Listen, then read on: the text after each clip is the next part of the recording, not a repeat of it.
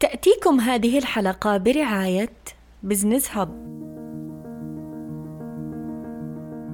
صفتان يحبهما الله ورسوله الحلم والأنا إلى كل من امتهن التمريض أنتم من يجسد معنى الأنا أنا أنوار أقدم بودكاست أنا لإثراء المحتوى العربي التمريضي.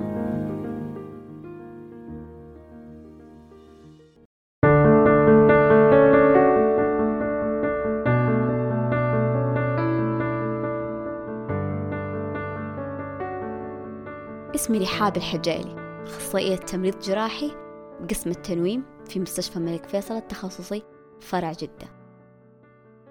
ليش اشتغلت تمريض؟ ليش تخصصت تمريض؟ شغفي من وأنا في الثانوي كان تمريض. كنت أروح المستشفيات أشوف الممرضات أقول الله قديش إنها محظوظة إنها تشتغل تمريض. كنت أكلم البنات دايما آه زميلاتي في الثانوية. إنه أبغى أصير ممرضة. كانوا يقولون ليش طيب ما تدخلي طب؟ ليش ما ترفعي آمالك شوية؟ نفس الشيء صار مع أهلي. ليش ما تكملي؟ طيب طب حلو. طيب ليش تمريض؟ لا تمريض كرف التمريض مدري آه فكثير كانوا يكلموني كذا على جنب ويقولوا لي لا لا تصيري ممرضة الممرضة مو حلو شغلها مو حلو مدري آه كلام كثير. بس ما سمعت لهم لأني أنا واثقة واثقة تمام الثقة أنه أنا حكون ممرضة كويسة واثقة تمام الثقة أنه أنا شغفي تمريض أنه أنا شخصيتي حتكون لابقة على التمريض آه فما سمعت الكلام أي أحد إلا نفسي. اشتغلت على نفسي دخلت تحضيري. في التحضيري واجهت مشاكل كثير إنه أنا أكون ممرضة. عشان كان نسب عالية التمريض يحتاج نسب عالية عشان أدخل. في الترم الأول من التحضيري قلت لا أنا بحول إدارة أعمال. كلمت أهلي إنه أنا أحول إدارة أعمال. كلمت ناس في في الجامعة. فجأة بين الترمين وعلى إنه خلاص أنا ححول إدارة أعمال. حصل ظرف. أمي فجأة أغمى عليها. كلنا ارتبشنا. ما عرفنا نتصرف. كلنا قمنا نصرخ بسرعة بسرعة كلمنا يا محمد هيا هيا يلا نروح المستشفى. لدرجة إنه توقعنا إنه ممكن تموت بين يدينا. وقتها قلت أنا لازم أصير ممرضة. لازم أكمل في مشواري لازم أكمل بحلمي. ليش أوقف؟ كملت الترم الثاني وجبت درجة عالية الحمد لله ودخلت تمريض. خلال دراستي في التمريض كل البنات يفكروا أنا وين أشتغل وين حروح. في ناس تقول أبغى أكاديمي في ناس تقول لا أنا بشتغل في مستشفى حكومي. أنا جلست أفكر جلست أبحث آه، في جوجل. إيش أفضل منشأة في المملكة ممكن أنا أشتغل فيها؟ إيش هي أفضل منشأة؟ الملك فيصل التخصصي. ومن هنا قررت إنه أنا بعد ما أتخرج حتوظف في مستشفى الملك فيصل التخصصي. يا في جدة يا في الرياض.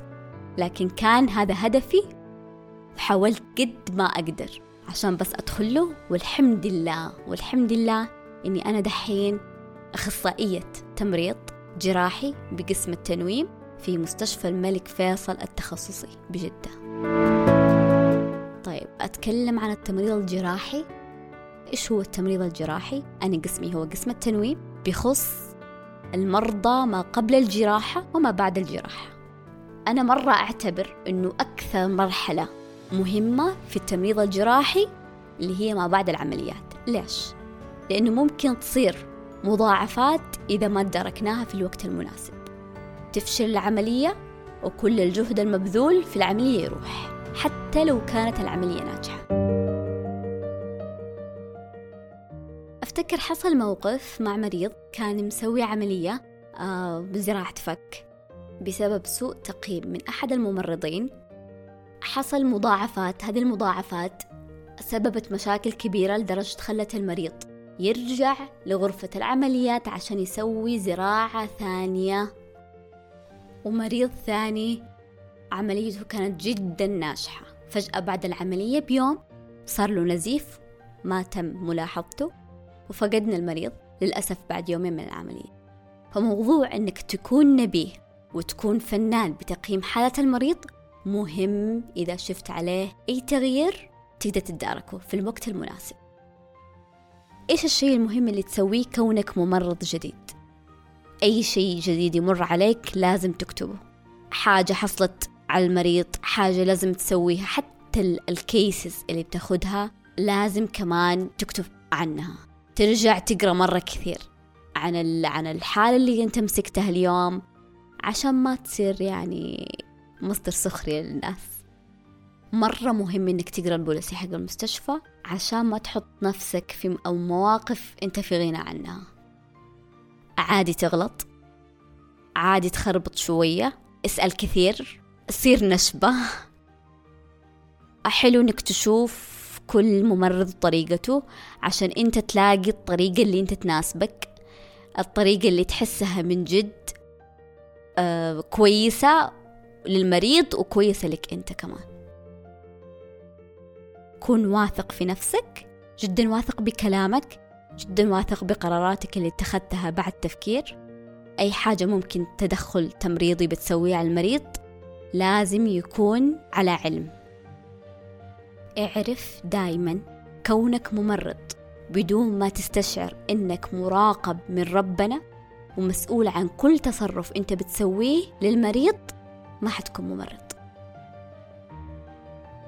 التمريض هو أخلاق ومراقبة الله واستشعار إنك ماسك أمانة وأرواح قبل ما تكون مهنة تاخذ عليها راتب. ما أنكر إنه شخصيتي جدا تغيرت لما دخلت تمريض. صرت صبورة. صرت أعرف أخفف شوية على الناس اللي حواليا. اكتسبت مهارات تواصل جدا كويسة. أنا أشوف إنه التمريض حياة.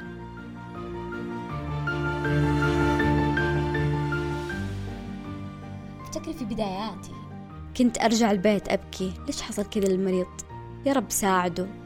يا رب ساعد أهله وساعد إنه يتقبلوا اللي صار له ويتقبلوا حالته ووضعه. كنت أشوف كيف أهل المريض يبكوا بصوت يقطع القلب ويحاولوا معانا إنه نرجعوا مرة ثانية للحياة. ممكن يلوموكم ويقولوا أنتوا قصرتوا بسببكم مات. وما أنسى مشاعري لما لقنت مريض الشهادة أول مرة. كنت عارفة إنها في سكرات الموت. خلاص. كل ما حسيت إنه فضيت أدخل لها وأقول لها قولي معايا الشهادة. قولي معايا الشهادة يا أمي. قولي أشهد أن لا إله إلا الله. بس فارقت الحياة. غسلتها بدون أي مشاعر. بس خلصت انهرت وجلست أبكي. بس تعرفوا إيش الحلو في الموضوع؟ لما قلت لأهل المريضة لا تخافوا ترى أمي قالت الشهادة. ترى أمي قالت الشهادة قبل ما تتوفى. وقتها عرفت أنه التمريض يهذب الإنسان ويحفز أنبل ما فيه ويزيد رحمة وعطف مو بس داخل مجال عمله حتى في حياته اليومية. عشان كذا أنا مبسوطة مرة إني وثقت بقراري وكملت وصرت ممرضة.